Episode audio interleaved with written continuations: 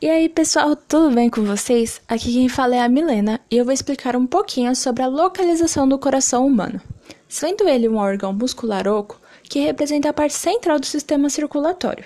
Ele é relativamente pequeno, mais ou menos do tamanho de um punho fechado, medindo cerca de 12 centímetros de comprimento e 9 centímetros de largura, pesando aproximadamente de 250 gramas nas mulheres adultas a 300 gramas nos homens adultos. O coração fica apoiado sobre o diafragma, perto da linha média da cavidade torácica, no mediastino, que é o espaço entre os pulmões. Cerca de dois terços da sua massa cardíaca fica levemente inclinada para a esquerda da linha média do corpo. Por este motivo, as pessoas costumam dizer que o coração está localizado ao lado esquerdo do peito, mas essa informação é falsa, como vocês podem ver. A extremidade pontuda do coração é chamada de ápice, dirigida para frente, para baixo e para a esquerda.